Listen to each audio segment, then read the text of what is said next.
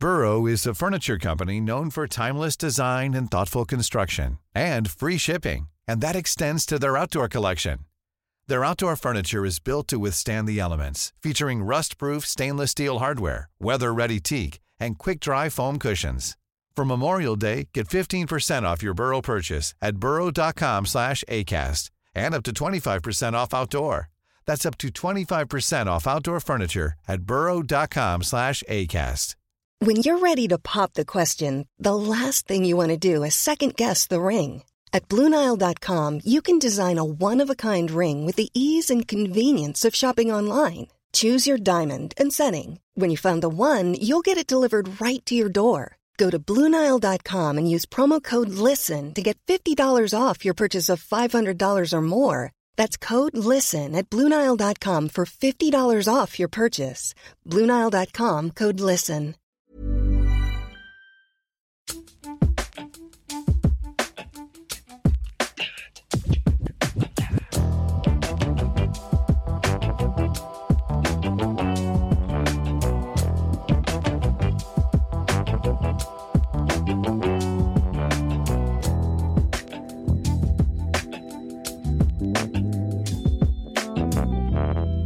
Är tredje gången jag spelar in hemifrån. För att först så hade jag symptom.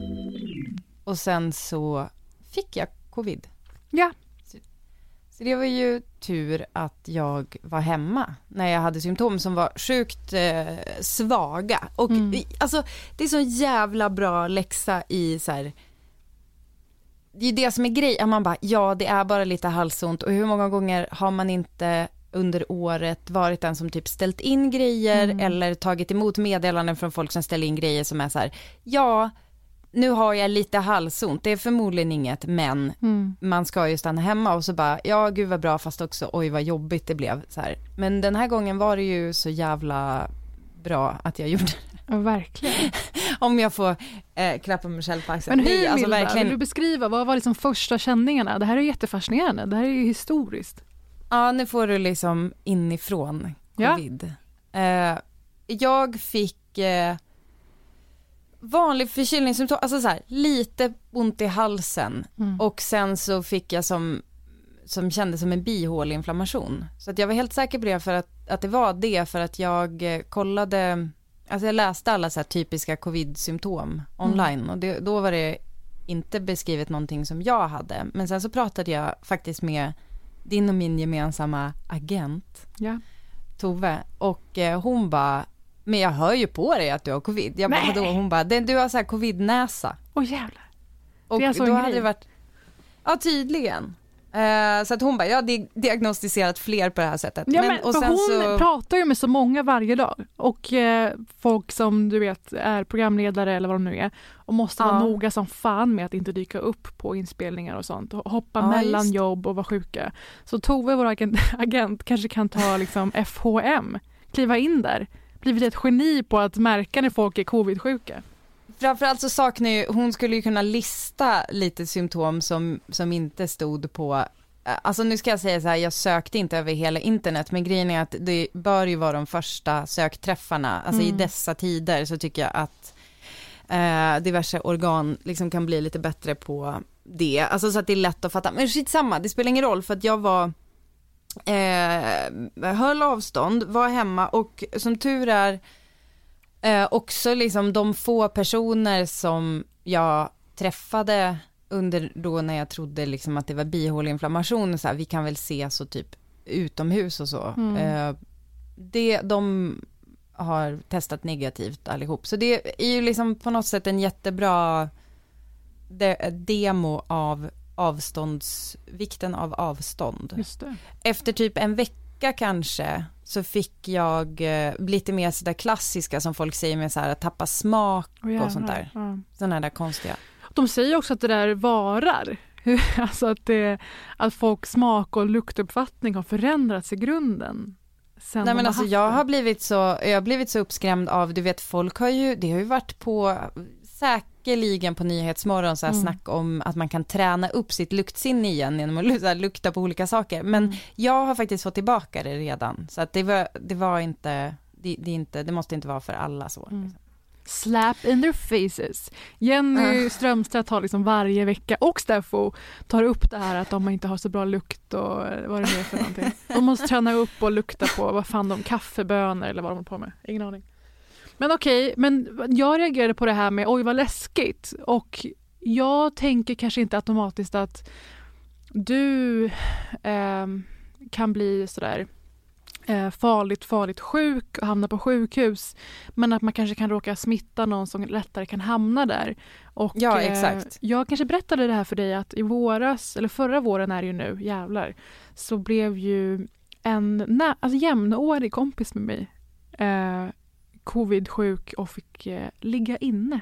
Och fick alltså hjärt och lungproblem som fortfarande består ett år senare. 32 år gammal. Så man vet ju inte det, så det är ju så jävla bra att ni, som du säger, att det var så experiment och demo på att avstånd funkar och eh, att eh, man ska vara noga med symptomen bara. Orka vara den jobbiga som ställer in, fan.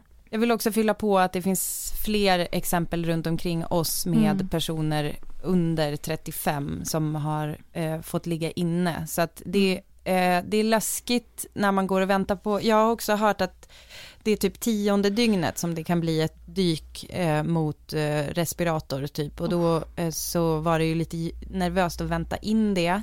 Det var också folk eh, i min närhet som också var, fick corona som eh, det var kanske lite nojigare med. Mm. Ehm, men det som ehm, jag tror att det är lätt, alltså om man tittar på statistiken så är det väldigt lätt att eh, tänka så här, ja, ja, det är bara gamla och jag är inte gammal så Mm. då behöver jag inte vara så nojig. Men det räcker ju med att vara en av de här, typ vadå, 39 Mm. som, som är, eh, får liksom inte klarar sig Ja. i covid. Eh, och, och det vet man ju inte att, att man är innan man har det.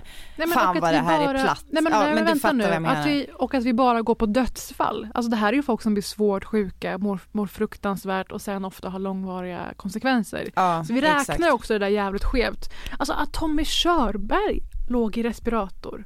Hade du missat det också? Nej, det hade jag faktiskt inte. För han var med på Malou för några veckor sedan, typiskt frilans-tv. Mm.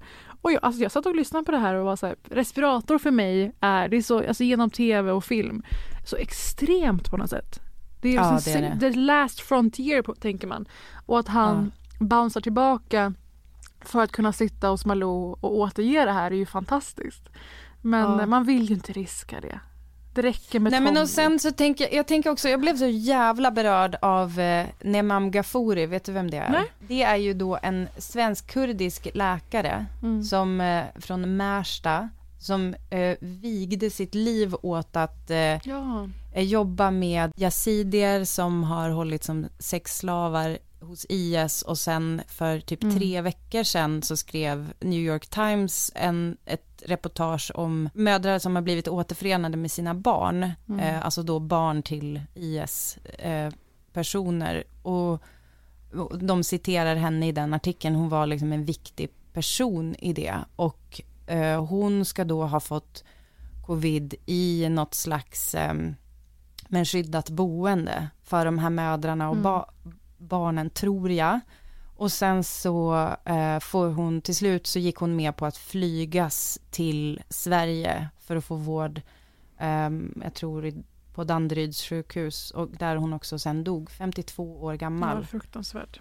Eh, det är fruktansvärt men det är, alltså, det är så jävla, jag blev så jävla drabbad av det här och har typ läst allt möjligt om henne nu och eh, eh, hon hade typ kunnat kommunicera så här, under den där eh, flygplansfärden tillbaka till Sverige. Hon visste ju inte ens om hon skulle klara sig för typ kunna säga hej då till liksom, sin familj, sin mamma och sina syskon. Men då hade hon sagt att det var värt det, allt. Åh gud. Alltså, nej men, alltså rest in power, eh, Nemam Ghafouri. Det, kom ihåg det namnet, läs om henne. Det är så jävla inspirerande ehm, och också om man tänker så här 52, det är inte gammalt. Mm. Alltså vad, vad är liksom, säg någon som är 52, Jennifer Lopez. Ja, okej. Men Britta, jag är nyfiken på hur du tacklade det här eh, tillfrisknandet. Körde du på något slags alternativmedicin eller att du drack gurkmeja-vatten eller så? Har du sådana tendenser? Alltså 100 procent kol kolloidalt silver heter det väl, som jag fick intravenöst av en shaman samtidigt som den eh, liksom masserade min joni. Eh, alltså det här du sa precis var så mycket orosanmälan. Har du något av en böjelse mot sådana här alternativa Gwyneth Paltrow-aktiga eh, mediciner? Eller hur har du försökt att snabba på tillfrisknandet? Alltså, jag ska säga så här, jag har inte, jag har inte försökt snabba på något tillfrisknande. Det enda jag har, mm. jag har verkligen försökt hålla mitt huvud ovanför vattenytan. Mm. Alltså verkligen. Jag har, jag, det har inte varit vackert. Inte, inte ens en Ipren? Eh, jo. Men okay. jag är ju, okej okay, men där kom, ja, nu, nu kommer nu. du in, nu kommer du in lite på min, min ömma punkt här ja. i mitt, i övrigt så um, ändå evidensbaserade um, liksom handlingsförfarande mm. Eh, när det gäller olika saker som jag ska ta mig an. När det gäller sjukdomar så är jag typ lite skeptisk mot piller. Oh, herregud vad läskigt sagt. Nej men alltså det är inte läskigt sagt att jag så här, inte, om jag typ har ont i huvudet då tänker jag så här, det är bättre att jag dricker mer vatten mm. istället för att jag ska typ ta en Alvedon. Den nivån är fine. Mm. Det kan vi förstå. Men varför mm. jag kommer in på det här, inte bara för att jag är nyfiken om jag själv skulle till slut få corona, eh, eller så, utan det har ju vädrats eh, anklagelser, måste jag säga. Svåra anklagelser.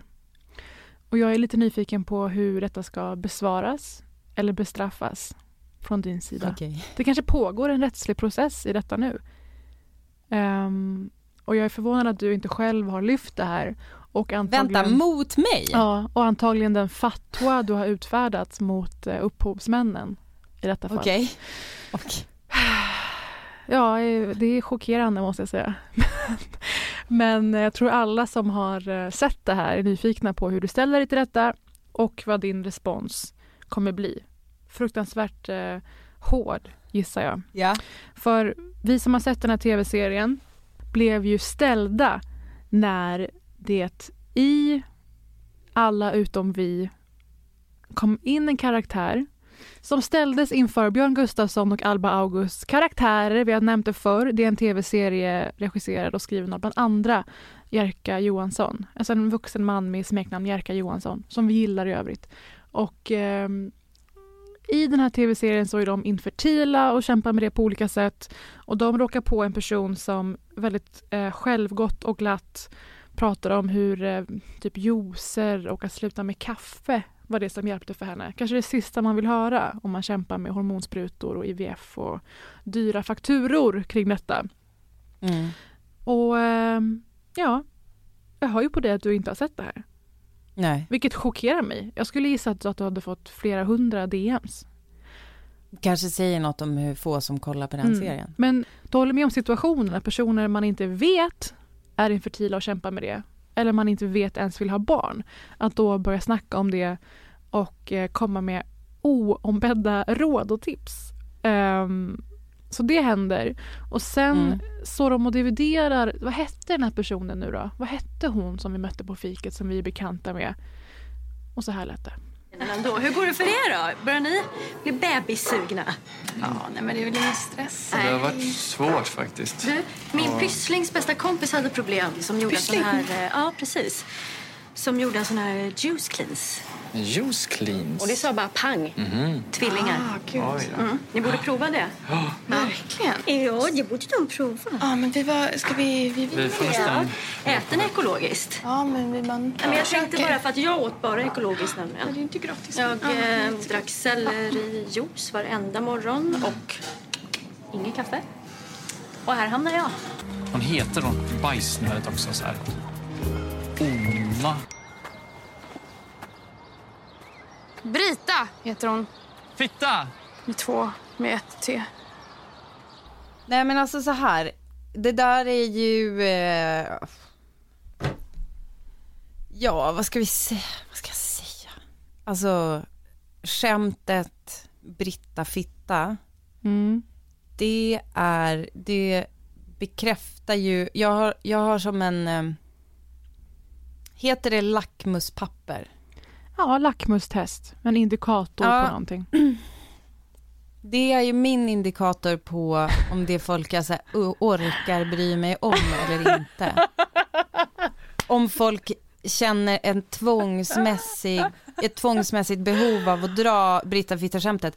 Därför att vet du Parisa Amiri, jag har hört det Mm. sen mina fucking öron utvecklades klart. Ja.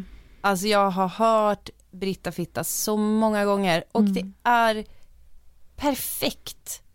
Rakt in i Jerka Johanssons grafiska profil att vilja dra det skämtet. Ja men lite va.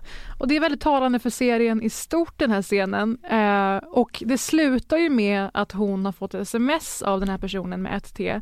Där det står, alltså oombett råd återigen, hälsa kolon att boosta din fertilitet och liksom hjärtformade händer över en gravid mage. Ja. Det är svåra anklagelser att du skulle gjort dig skyldig till detta. Så hur Alltså hämnden menar du att det är jag, alltså menar du att det är jag som Om skulle vi ha... utgår från premissen, det finns Ja. en känd i Sverige med Som stavningen heter 1T. Brit, Brit, Brita, men man säger Britta. Alltså det finns Eh. en till person som heter Parisa i journalistiken. Parisa Höglund. Och hon är ju ändå någon som jag är så djupt imponerad av. Eh, Mm. Så jag är okej med den förväxlingen som sker ganska ofta. Eh, Ja. här, bygger, här tar de ditt trademark 1T. Ja. Ja. Men ska jag säga, vad- alltså vet du vad jag känner Parisa? ja, hur känner du? Nej, så här. Det är ju den här, den här fake-bilden av Britta Zackari som ibland dyker upp i andras ögon. Alltså att jag på något sätt är någon slags eh, renlevnadsmänniska Mm. eller eh, alltså att jag är en sån som håller på med fucking juicer. Och det var ju Ja. därför jag var tvungen att skriva en träningsbok för att dö, effektivt döda den personen. Hela den eh, boken Mm. som heter Jag hatar att träna och det är ingen som bryr sig om det längre. Men den har sålts till Norge och Finland vill jag bara säga. Hejo! Säga varje gång. Hejo! Ehm, men den, alltså den heter Jag hatar att träna. Jag tar upp så här att man kan, äta, man kan dricka en öl efter man har tränat eller man kan äta lite Mm. ost istället för så en grön smoothie. Och ändå tror folk att jag älskar grön smoothie. Men jag har aldrig sett någon äta mer pommes och godis. än- Nej, alltså, men det blir ju som en slags, eh, och jag har fan, det kommer knyta an till vad jag ska prata om senare, men det är ju som en slags, eh, ska vi kalla det för, liksom kullen jag är redo att dö på Ja. för liksom rätten att äta pommes frites, trots att man kanske Mm. liksom också är en person som känner till att det inte nödvändigtvis är så här 100% bra därför att det är ju, vi har ju pratat om, vi pratar ju ganska mycket om mat och i det här fallet så känns det som att det jävla josandet, Mm. Jag är inte förvånad. Du hör ju, jag blir typ uppgiven för jag vet att det där är som en bild av mig. Ja, Nej, men du, fan. Och Bra att att du tog kalla upp det här då.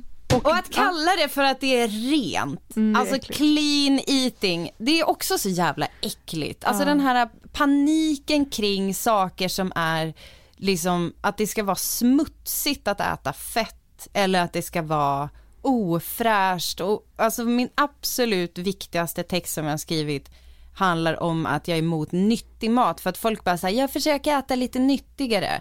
Men det är ju, det är ju bara, alltså det, nyttigt är ju också fett. Alltså nyttigt är att äta lite, varie, alltså det är att äta varierat och äta av allt. Det är nyttigt och att bara äta liksom kale är inte nyttigt. Är det här oombedda råd? En öm tå? Är det, här, är det här oombedda råd du kan tänkas smsa till en bekant? Eh, går ja. gränsen där? Nej! Okej, vi har att det här är en öm tå Nej men och vi har Nej, att alltså- det är hämnd mot Jerka Johansson i, horiso- i horisonten. Ja, det var ju när jag hade typ en idé om ett här, alternativt eh, program om att få barn. Alltså, och så, sen så snodde han den. Ja, Ja. slank rätt in och tog den och fick med sig SVT. Alltså jag känner så här, det är konstigt att ehm, ge honom så här mycket utrymme. Nej, men han Nej men alltså, just så här, där han och jag borde mötas liksom jävligt bra är ju i att faktiskt kalla macka för måltid. För Mm. att det är ju det, det är min vanligaste middag när Kalle inte är hemma. Mm. Eh, och han har ju ty, typ någon slags restaurang med mackor. Så att där känner jag, vi borde egentligen vara bästa vänner. Du landar direkt i hur, vad har ni för eh, gemensamma nämnare? Var kan ni mötas och enas? Otroligt fint antipolariseringsprojekt eh, med Britta och Jerka. Men jag vill bara säga lite avslutande grejer om serien i stort. Eh, du har säkert Ja. hört om den, vi har snackat om den lite grann innan. Och det är ju så att Alba August spelar en 29-åring som är helt uppslukad av, upptagen av tanken att få barn. Mm. Och eh, jag har bollat det här med några kompisar. Att jag har svårt... Eh, vänta, är bara hon intresserad, Nej, inte men- Björn Gustafsson? Jo, det är han väl, men hon är väl mer panikslagen skulle jag säga. Eh, t- faktiskt tolkar jag det som. Och det är väl det just för att det finns sån här eh, att alla i ens närhet och bekanta och sånt eh, tar sig friheter att fråga en dels och pressa en. Och hon är gift med sin snubbe också, eh, vilket kanske adderar till den förväntan. Men annars har jag Mm. lite svårt att köpa den hetsen. Jag tror så här. Att de är så unga ja. Men jag tror så här, jag har ju så mycket äldre vänner som fick barn först runt i- 35. Antingen precis innan eller efter. Och ehm, det känns daterat och avlägset på så sätt. Men sen också tror jag att mycket för att Alba August upplevs som så fruktansvärt ung. För att hon ju är ganska ung. I alla fall i relation till Björn ju. Som fyller 35 här i år. Vet ja. jag. Hur gammal är hon? Du, hon är bara tre år yngre än mig. Men kanske en kulturell grej, att jag inte kan, man känner inte in att hon, eller varför hon vill ha det här. Sen är det en väldigt fin och rolig serie med, med några avsnitt som sticker ut och är eh, extra sevärda. En excentrisk pappa, en excentrisk mamma som håller på med Kamasutra och sen bara liksom eh, strösslat med olika såna här betraktelser och åsikter som ju gjort Jerka Johansson till en eh, ja, men en rolig person i folks ögon, vilket han i stort och mångt är, tycker jag. Men det här med Britta med ett T, det kommer en hem på det. Har du något he- favorit hämndscenario? Eh, jag får ruva lite på min hämnd. Jag tycker att, eh, alltså Alba August tycker jag är något av det bästa vi har. Alltså jag tycker hon är som helt magnetisk. Jag, men jag fattar vad du menar. Jag tror att det är därför jag känner mig så här noll-lockad av att titta på den här serien också. För att det är inte lika sårbart att vara 29 och ha panik kring att man inte får barn eh, jämfört med till exempel briljanta, otroliga Josefin Bornebusch eh, IVF-resa i eh, Älska mig som vi ju har hyllat eh, som fan i den här podden tidigare. Men där kanske det känns liksom lite mer hmm, äkta. Men där hade vi ju enda invändningen att det finns inte en chans att Josefin Bornebusch skulle vara singel vid 37 års ålder. Så vi, ja, vi har ju alltid de här invändningarna. Så jag måste säga att Älska mig säsong två blev inte så bra tycker jag tyvärr. Men Men vad fan, hon gör typ harmonika samtidigt och Guldbaggen-nominerade Orka. Eller fick den en Guldbagge till och med? Så kan man ju inte Nej. säga i recensioner att så här, men det är okej för Nej, en jag massa andra grejer samtidigt. Men Älska Nej, mig säsong ett, Men absolut. jag säger det. absolut. Jag recenserar inte nu, jag bara är en person som känner med Josefin Bornebusch och tänker så här, Fan. fan Josefin Bornebusch har också två barn och tänk om, hon har säkert behövt vabba och ändå skiter hon Gud. ur sig. Ja men fy fan, men alltså tänk dig Parisa Amiri när jag legat hemma i min covid-ångest och tänkt så här Josefin Bornebusch har under tiden jag har legat här säkert sålt in typ tre nya filmmanus och liksom med, inte med vänsterhanden utan liksom med samma hand eh, avslutat filmningen av sin harmonica som verkar vara en otroligt eh, kul idé med att hon och Jonas Karlsson heter han va, Mm. eh, typ eh, så här ett countryband. Så spelar hon huvudrollen och regisserar och Men eh, är den. ni typ. inte, du och Kalle inte inringda som cameos? Fan, du kämpar på med Bornebusch. Hon vill inte ha med dig i något projekt verkligen. Alltså, menar du nu att du ska, du ska få mig att må dåligt över att Josefin Bornebusch inte vill ha med mig i något av hennes projekt? De få som hon ännu har gjort, det kommer säkert. I och för sig, det finns ju projekt så att det räcker och blir över till typ varenda liksom, medievan person i Sverige kanske. Jag menar bara att harmonika, där fanns det ju mer av en beröringspunkt i att, med att ni två klär i eh, cowboy-ish kläder. Det är lite Ja, tänk- till alltså eh, inte- Josefin. Nej, vet du vad, nu när du säger det. Mm. Eh, vad fan, så det är liksom två personer på min shitlist nu. Ja. Är det Jerka Johansson och nu också Josefin Bornebusch. Varför kan jag inte få, varför kan jag, tänk om jag hade fått, vet du vad, Marisa? Alltså tänk om det var Josefin Bornebuschs tv-serie där den här karaktären Brita eller Britta eller vad fan man säger och någon säger fitta i bakgrunden. Tänk om det var Josefin Bornebuschs serie, då skulle inte jag, skulle inte jag höja ett enda litet ögonbryn. Jag skulle tycka att det kändes otroligt.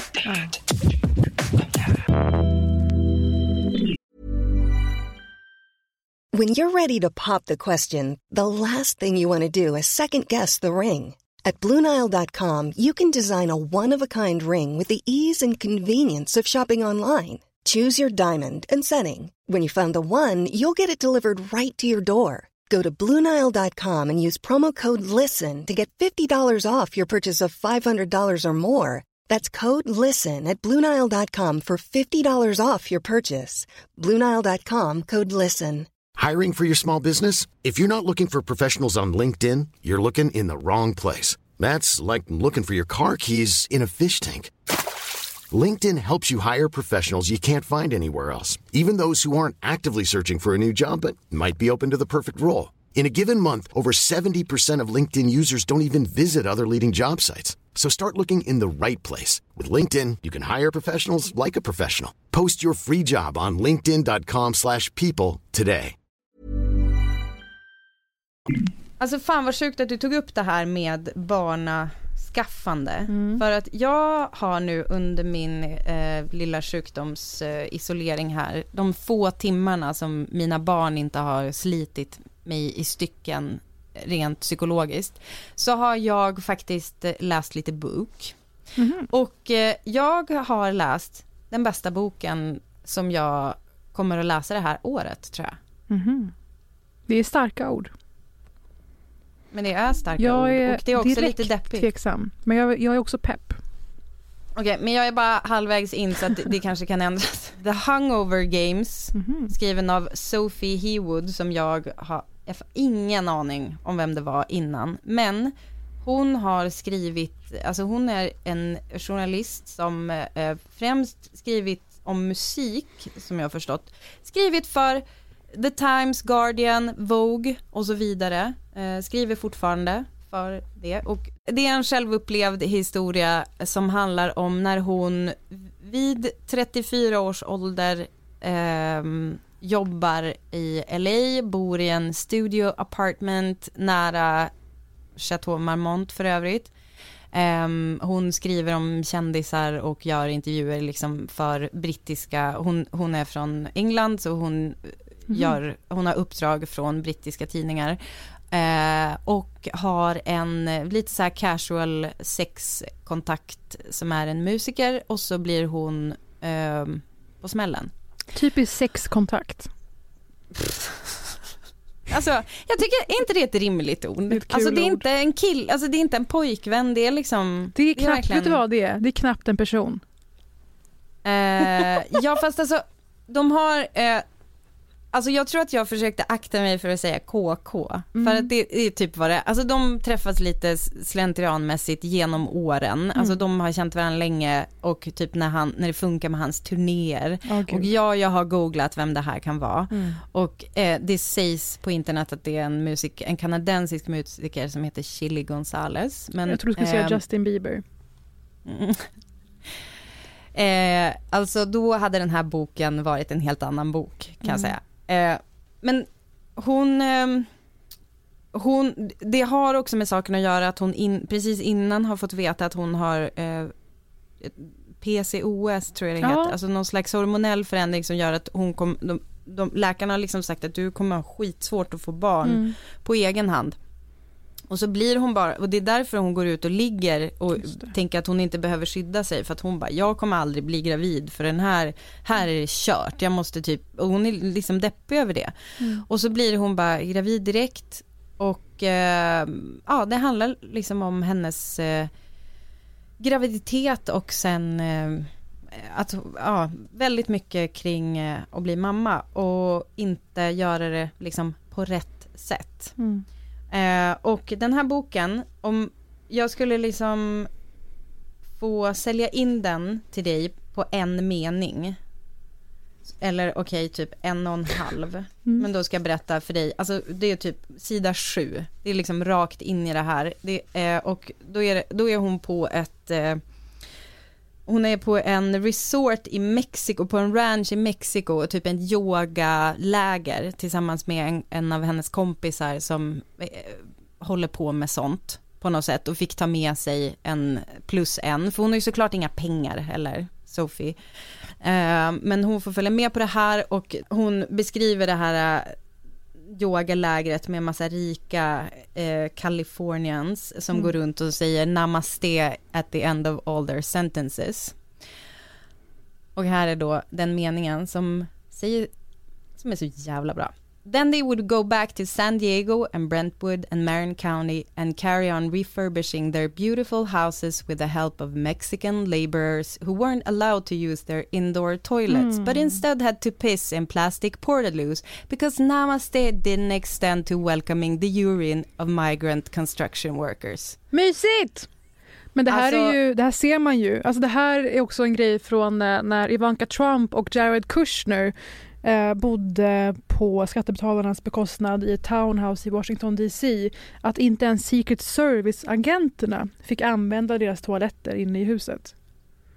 Åh herregud. Alltså inte ens inne i huset, inte ens Nej. en gästtoalett. Så folket liksom. fick bekosta de här eh, temporära toaletterna som kostade oerhörda eh, summor varje år då, för att det var för så många agenter. Så ja, det är en typ, det är en människotyp du beskriver. Det är verkligen, eller som hon beskriver, jävla kingen. På ett tema som vi nyss har pratat om, eh, nämligen vad man kallar det kvinnliga könsorganet. Det Ja. var ju, var det för två avsnitt sedan vi prat- tog upp det? Du beskrev ju en gynekolog som var gäst i Nyhetsmorgon Mm. och som inte kunde säga vad det kvinnliga könsorganet heter.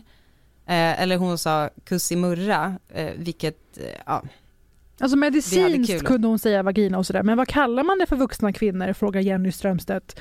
Och den här personen chockar, skrällar med både sin ålder och yrke att liksom, åberopa kussamurra, vilket jag aldrig hört förut.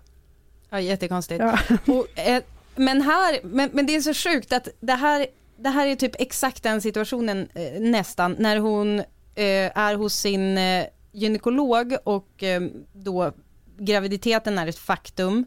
Eh, hon, och så ställer hon frågan, eh, eftersom hon då är en singelperson, så frågar hon om det är okej att använda sin vibrator eh, trots att hon är gravid. Alltså Okej. sådana här saker kanske, folk kanske undrar sånt. På riktigt. Och då, mm. ja men du ser, alla bor inte i Sverige okej? Alltså det, det här är ju, det är en britt i USA. Det, jag, jag. I mitt huvud Ja. två väldigt pryda länder när det kommer liksom till knulla Mhm. eh, saker. I alla fall så frågar hon det och då svarar gynekologen att de va vanligt är då att kvinnor använder vibrator on their front part. Eh, Okej, så Istället för i röven, eller vad, vad menar hon? Alltså det är ett väldigt viktigt ord den här gynekologen inte kan säga. Jaha. Och då, det är liksom den situationen som där Sophie då känner att okej, allting kommer att ordna sig. Alltså det här, liksom, det är typ en fucked up situation som jag kommer få den här bebisen i. But now that I knew that you could work as a qualified obstetrician Mm. gynecologist charging hundreds of dollars to share 20 minutes of your expertise in female sex sexual health and still refer to the clitoris as the front part. I mean, fuck it. Anything seemed possible. I might just work from home as a freelance sayer of the word clitoris. I'd just sit there breastfeeding the baby in my flat and charge people to phone me up so I could say it out loud for them. Clitoris. It might even be a nice name for the baby. All Ah, right, bra. maybe clitora if it was a girl. Underbart, vilket bra namnförslag. Jag sparar det. Clitora! Clitora. Det till ditt framtida barn. Clitora Amiri. Vilken jävla king. Alltså en grej som jag börjar tänka på då med ehm, det här med hur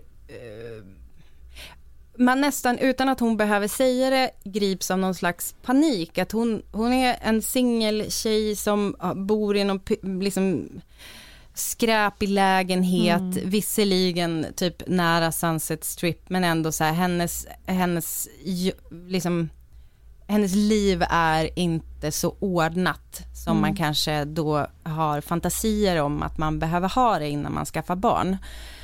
Ehm, och det, det knyter an till ett eh, snack som jag lyssnade på mellan min favorit eh, och guru. Får jag säga att det är min guru? Ja, om det är också allas guru.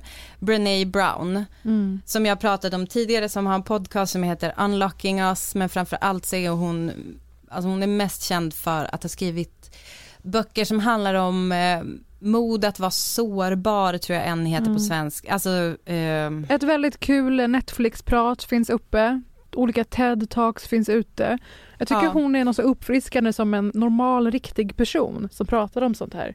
Det är ju alltid jävligt märkliga, udda karaktärer i övrigt. Men hon verkligen tar sig an både guruismen och lyckas vara en ganska rapp och härlig, normal människa. Men hon är en, ha- hon är en rapp och eh, jag, jag tror att jag använde ordet sist när vi pratade om henne, rivig. Rivig. För att hon är, hon är liksom, hon är från Texas, hon är så här, hon är liksom ganska, eh, hon svär mycket och är alltså väldigt mycket en person. Och eh, hon intervjuar då, ehm, och det här är ett, ett år gammalt det här avsnittet, men Glennon Doyle, känner du till Glennon Doyle? Nej? Hon har skrivit boken Untamed som är en sån där äh, mega, alltså kioskvältare typ, som handlar om äh, när hon liksom slutade vara duktig för att koka ner det i en mening. I had a life that um, women are trained to be grateful for. And yet I was angry all the time. I was just this low level river of rage. And I felt this constant ache, this longing for a truer, deeper, realer love. And I had, Brene, this constant whisper, just relentlessly saying to me, but wasn't it supposed to be more beautiful than this? Right? And I hear that story from honest women about so many things about their family lives, about their jobs, about their nation, about their world, and yet we are part of this universal gaslighting that tells women over and over again no, no, no, no, no. That's not real. That longing inside of you, that imagination you have that it was all supposed to be more beautiful than this, that is not real. Stay in your place, be grateful. Nej, men jag älskar ju att prata om gaslighting. Det pågår ju, vi pratade om det för inte så länge sedan kopplat till eh, sexualbrott och samhällets syn på det. Att det pågår en allomfattande gaslighting i att man eh, liksom tar ifrån folk deras egna upplevelser och agens i att liksom, stå upp för det man har upplevt och våga anmäla det eller våga kritisera det. Det är också gaslighting. Det går att använda ganska brett egentligen. Ja, men hon tar bland annat upp att hon har typ haft en långtgående depression från att hon var tio och att hon förstod sen i- vuxet liv, liksom när hon började på den här resan som blev den här boken, att det eh, nog har att göra med att när man är tio då börjar man fatta typ sociala spelet och att kvinnor ska vara duktiga. Att man är eh, typ allt det där vi brukar prata om. Mood, mood manager, eh, den som eh, tolkar folk och förstår folk och liksom väldigt Nej, mycket så här emotional labor som Ja. ligger på kvinnor. Och behaga, och- alltså behaga och vara till belåtenhet. Och att Ja. granskningen och kritiken är så, så mycket hårdare om man frångår det. Herregud Och ja. jag, och jag tycker också att en av de viktigaste grejerna hon säger är att det är liksom det fulaste man kan bli kallad som kvinna och framförallt som mor är att man är självisk. Mm. Well, and I mean, let's talk about selfish for a moment. I mean, if you need any proof that we've been poisoned by misogyny over and over again, all you have to do is think about the fact that the epitome of womanhood, the ultimate compliment we can receive is you're selfless. What horseshit is that? Right? The way that you It's, can it's, it's achieve womanhood, the way that you can achieve womanhood is to not have a self.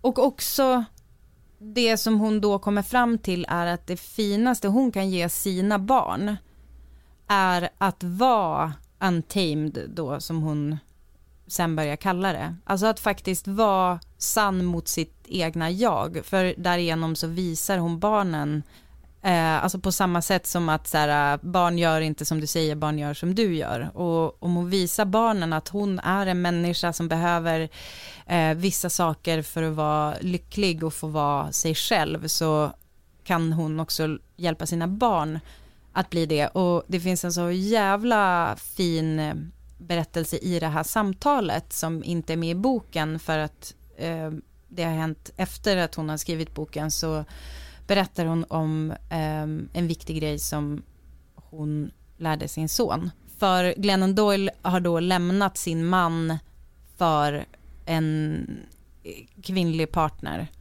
eh, som nu är hennes fru. The story that I am going to tell you right now, because I've gotten the blessing from my perfect son, is that a few months ago, my son told us, sat down with me and Abby, and told us that he is gay. And a few months later, or a few weeks later, I'm sorry, he told Craig. And Craig called us right away because we, the three of us, co parent like a braid. And Abby and I pulled over the car and we're sitting in our driveway, just in shocked silence in the car on the phone. And the first thing that Craig said was this He said, You guys, I just keep thinking, what if you had not owned who you were? Maybe our boy would not have owned who he is and been brave enough to share it with us. Det som händer för mig nu med de här två olika böckerna, det är ju att jag på något sätt, varför jag tror jag tycker så mycket om The Hungover Games och också en anledning varför jag tycker det är så viktigt att säga att jag inte är någon jävla juice, grön smoothie person. Mm jag vill inte vara en del av det. Jag är så otroligt rädd för att vara en del av den här världen som håller på och fortsätter att eh, skapa så här omöjliga ideal mm. och också tvinga in kvinnor i en form som är för liten och för trång och för tråkig att vara i. Mm. Och eh, det med den här Hungover Games pusselbiten där, det är ju att tänk om det till och med är en sån jävla gåva till ett barn att barnet inte blir till på ett så jävla så här duktigt sätt eller liksom i en duktig form. Alltså för Sophie Hewood får en dotter och jag tror absolut att det fortfarande tyvärr är skillnad i att få en dotter och vad man måste tänka på då och eh, det är också jätteviktigt hur vi fostrar våra söner såklart men att just vi, att Sophie på något sätt får en dotter i, på ett sätt som inte är så jävla duktigt. Jag tror att det på sätt och vis faktiskt är en gåva. Mm. Inte bara att det såklart går lika bra som liksom vilket annat föräldraskap som helst. Alltså det, man märker ganska snabbt också att det har inte så jävla mycket att göra med vad du har för saker runt omkring. Mm. Eh, självklart underlättar det jävligt mycket. Det underlättar om du har pengar. Det underlättar om du har liksom ett socialt nätverk runt omkring dig så att barnet kan ha andra kontaktpersoner och så vidare eller liksom föräldragestalter. Men det, jag tror att det just i det där, det är en sån jävla intressant bok utifrån det att just det där vad vi lägger för bilder på mödraskapet och vad alltså, vi kräver av folk som mödrar. Mm, spontant så tänker jag när du säger att det kan vara en gåva eh, jag börjar tänka på det här att folk måste förstå att de är ju förebilder för sina barn. Alltså, de, alltså ja. barn tar ju efter hur man lever. Och jag märker nu när vi har den här podden att vissa hör av sig ganska uppgivna. Alltså, hur ska jag visa mina söner det eller mina döttrar det? Och att det verkar finnas en stor klyfta mellan vad de här föräldrarna, ofta mammor då, tycker mot vad barnen uttrycker. Vi pratade ju om sönerna förra veckan. Um, och då om Inga-Britt Alenius som av allt det här med Göran Lambert tagit med sig var att det är synd om sönerna att de kan bli utsatta för att bli anmälda. Mm. Um, och vi hade ju en take på det som var att om du får folk att vara lite försiktiga så fine, då vill jag ett vettigt liksom, resonemang. Men det är ju helt sinnessjukt. Och det var några kvinnor som hörde av sig och var så här, mina unga tonåriga söner redan jätteantifeminism och eh, tycker att det här är jättesnedvinklat mot killar och så. Och då blir man så här, men vad hände fram till att de var 14 år? Och hur ser Mm. ert samliv ut hemma? Hur, vad representerar hon, de här, här är kvinnor som lever med män. Eh, Mm. Vad representerar ni i ert förhållande framför det här barnet? Eh, och hur den då ser på män och kvinnor och vad den vet om världen eller vet om de här frågorna. Och även i det här fallet att man, alltså, inte att man ska uppmuntra folk att skaffa barn själva, men att man ska kanske tänka på att det kan ju ge en ganska cool signal ändå till ens framtida Mm. avkomma. Att eh, man tagit sig an den utmaningen själv. För det är ju onekligen mycket, mycket tuffare. Alltså förutsatt att Mm. man faktiskt har en vettig relation och att man faktiskt tar hand om barnen tillsammans. Men det är ju tuffare att vara ensamstående. Alltså gud, bara gråtande, skrikande barn och hantera en flaska samtidigt. Man vill ju Mm. spy och då är jag bara faster. Ehm, så ja, det finns ju någon poäng ändå i, inte att det är bättre än någon annan mamma, men att det finns en poäng i att kanske lite tänka på vad är det man symboliserar och vad är det man kommunicerar också genom sina handlingar och hur man väljer att leva.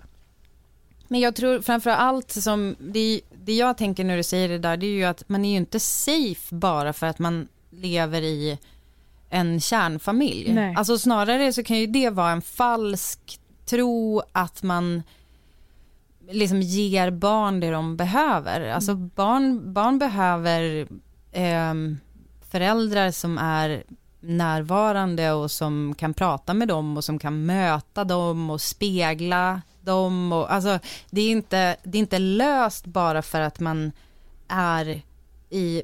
Vi, vi, vi är liksom så jävla lurade av Mm. kärnfamiljen och, och jag tror att det, självklart så får ju barn också bilder utifrån. Jag tror, det, det jag kan också märka, alltså lite grann för att försvara de här som tror att de har lärt sina barn en sak och sen så helt plötsligt när de är 14 så är de antifeminister. Det är ju jävligt mycket bajs på, inte minst eh, alltså i sociala medier, alltså så vi vet sådana här stjärnor som typ sitter och gamer, sipprar igenom otroligt gud. mycket kvinnohat Mm. i den typen av kanaler. Alltså det är, man blir så jävla mörkrädd. Eh, så att det kan ju också, men det, det är såklart att det inte uppstår, ehm, det är såklart att inte någon som kanske har en helt toppen grogrund är lika känslig för den typen av, alltså om Pewdiepie typ säger något om Hillary Clinton, inte fan vet jag. Ja. Självklart så är det någonting med hur, vad vi visar våra barn. Eh, det är det som är så jävla läskigt och svårt också med barn tycker Mm. jag. Att, att det gäller att man typ är en fullkomlig person. Alltså, och då menar inte jag en fullkomlig som i någon som är just duktig, utan jag menar kanske mer alltså att man måste ha sån jävla koll på sig själv också. Och fatta och ringa in eh, och just så här tänka typ att om jag är den enda som går runt och städar hemma, alltså om jag är den enda som överhuvudtaget lyfter ett finger, då, då visar jag mina barn att det är så det är. Att det är mamman som sköter det. Eh, och, och det är ju, då kan jag ju liksom antingen skita i det och så ser det ut som fan hemma, så då är det istället typ orosanmälan på att det liksom är äckligt hemma hos oss. Mm. Eller så, ehm, men, men samtidigt så visar dem att jag hellre ligger och läser en bok än städar. Det kanske är, det kanske är så man ska göra. Det är ju i alla fall vad Glennon Doyle tycker att jag ska göra. Det här var alltså Glennon Doyle som hade skrivit Ja. Untamed. Men vad hette Ja. den första författaren av boken? Sophie Hewood som har skrivit The Hungover Games. Ja, bara titeln Alltså är som en ett play på pun. Hunger Ja. Games. Om jag ska vara liksom lite taskig mot dem som hör av sig och säger så här att mina barn har plötsligt blivit antifeminister, då är det ju någonting kanske som händer i samspelet hemma, precis som du är inne på. Att man kanske måste ja, läsa Untamed och göra lite accordingly. Ja, men, och det är svårt att börja Eh. väl när barnet är 14 utan jag tror verkligen på att hålla barnen uppdaterade, vetskap om både historien och samtida problem och eh, att hålla det där samtalet vid liv. Att det är jätteviktigt. Dels för att rusta dem för nätets olika algoritm, eskalerande farhågor och fallgropar men också vad de möter i skolan eller från kompisar, de här vanliga arenorna. Det vet mm. man ju att det där det är ju en stor backlash nu överallt. Jag tror att det avsnitt som gick eh, i veckan i våra tv-program, det här bondgårdsprogrammet, mm. eh, var det som folk har hört av sig absolut mest om, eh, förutom med fåret. Men det är när Essa typ har ett snack med Kalle om, för att han har så blivit arg på mig. Mm. Och eh, har du sett det? Jag har sett det. det ja, och det är väldigt, väldigt många som hör av sig om det och eh, jag blir typ lite förvånad över att folk är så förvånade eller typ imponerade av att Essa kan uttrycka sig sådär. När, när, när händer det? Liksom? När, när börjar jag bygga? Ja. Alltså, så, så här, eh, jag, jag behöver se en ny skiss. Gör en ny skiss då, så kommer vi vidare. Jag, jag tycker att du... Jag, jag, tycker, jag måste gå en sväng. Ja. Kalle. Ja vet att Britta menar att ni inte menar att ni ska säga strängt. Nej, det är ju väldigt tråkigt när det blir så där. Men Kalle, ja. du, du vet väl att hon inte vill höra dig vara arg? Ja, det förstår jag. Tyckte jag lät arg? Och då måste du vara lite lugnare. Okej. Lät jag arg? De ska förstå. Okej. Okay. Nej, Men jag reagerade också på det klippet, eh, kanske inte förvåning men bara uppskattning och jag tror att det tyder mycket på att dels att eh, man uppmuntrar att barn uttrycker sig och berättar och funderar och sådär. Men också att man faktiskt lyssnar på barn. För så där pratar man bara om man känner att det man säger har ett värde. Och att det man säger har ett värde för de som lyssnar och att de faktiskt lyssnar. Så det kände jag när jag såg det där eh, klippet. Men vilken bra eh, psykolog hon kan komma att bli ändå, Essa. Vilken medlare av rang.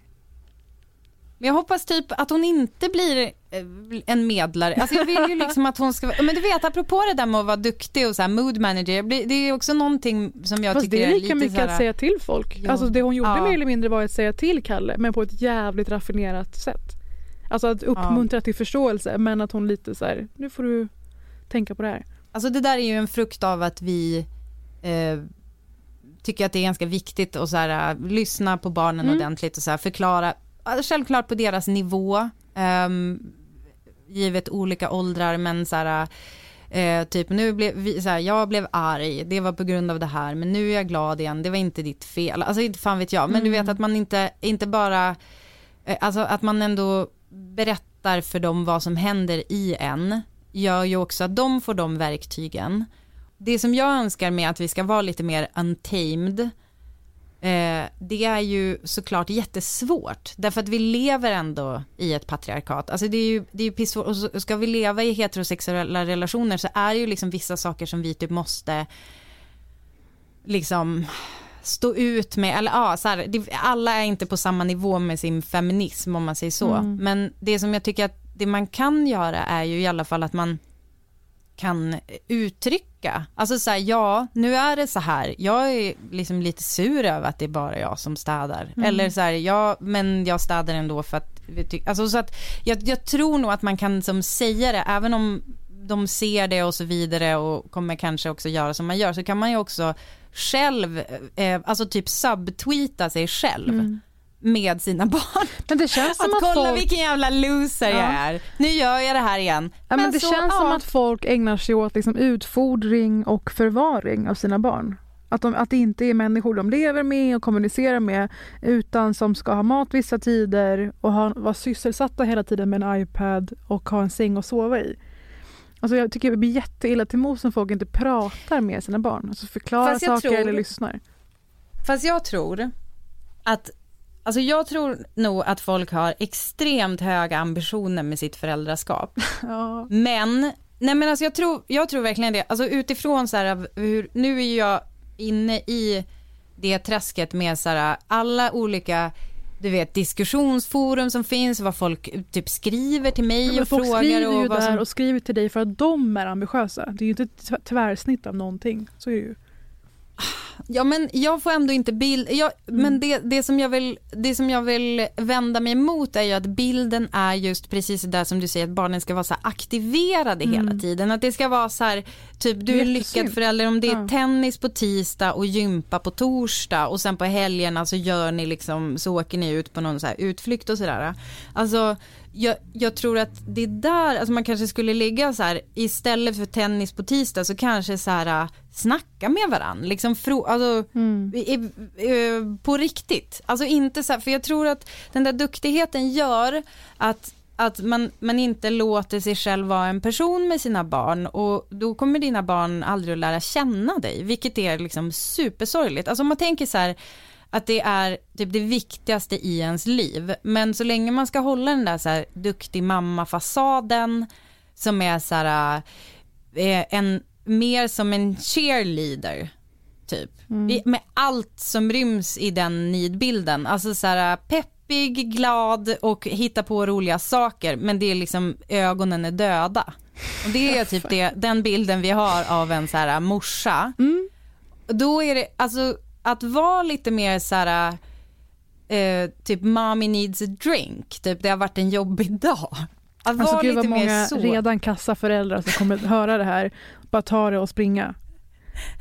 Alltså kan, Jag tror- jag känner jag tillräckligt inte som många du. som har kassa föräldrar och har vuxit upp bland folk som har föräldrar som aldrig städade, aldrig lagade mat, sket i ungarna. Så det, det finns ett best case och ett worst case scenario här. Men ni som överanstränger er, unna er en drink. Om vi säger så här då, bilden i media är ju onekligen, om du scrollar igenom ditt Instagramflöde, jag tror att finns det är ganska många bilder. Nej, du har, du har blockat alltså alla, Ja. mutat. Dö- Men alltså där finns det ju, om vi, vi säger den bilden som Instagram matar oss med och inte minst i coronatider när det blev så här, vad, hur ser ert schema ut för Mm. homeschooling och så vidare? Eh, alltså alla olika så här, aktiviteter man ska hitta på när Gud, barnen är hemma och typ inte låta dem ha tråkigt. Jag är ju väldigt en stor förespråkare för att låta barn ha tråkigt. Nej, men tror om det, vi säger inte här- bara tråkigt utan uppfinna lekar själv och två, inte lägga ansvaret på andra att hitta på lekar åt dig och tre, vad Betty Draper sa, mina ord i livet, only boring people are bored. Tro på det till 100%. Ha lite fantasi, Perfekt. lite kreativitet. Perfekt.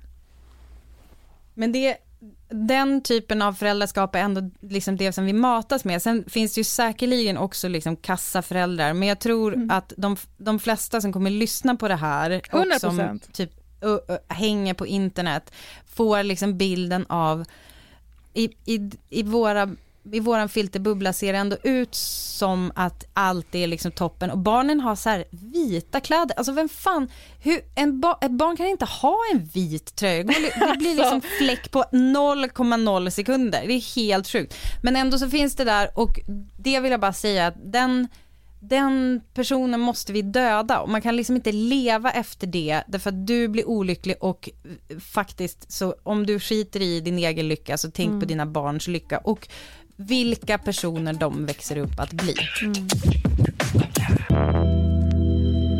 Men du Britta med ett T, hur ska du ta dig vidare den här dagen, den här veckan?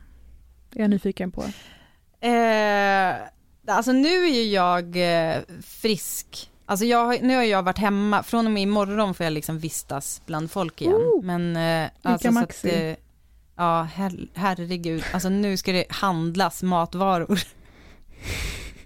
Vet du, alltså det är så jävla sorgligt att min, jag har köpt saker på internet som en jävla galning och det, det, det var så riktigt sorgligt att min bästa leverans var en med ekologiska städprodukter. Va? Har jag inte precis suttit och pratat om att vi måste sluta vara så jävla duktiga? Jo, och så och därför är det min behöver jag inte bästa säga det. leverans. Som tur är så behöver inte jag säga det, för du sa det själv precis. Jättebra. Fan också. Eh, jag borde men- få en elstöt varje gång jag tänker att det är härligt att städa. Det är en så bra idé. Men hörni, det här var allt för den här veckan. Britta och Parisa finns på Instagram och där tjabbar vi gärna mer. Bråkar, diskuterar, eventuellt rakt av. Puss och kram! Adjö. Adjö. Can't make those other the people around me uncomfortable. Right. And I think that, Brene, we really think, we really believe I can't pay the price of making ev- everyone else uncomfortable, so I will swallow this. We don't know that there's a price to pay for the swallowing. right? That every time there's a price to pay by making it awkward on the outside, but there's a bigger price to pay by swallowing the truth on the inside because that is how we slowly abandon ourselves.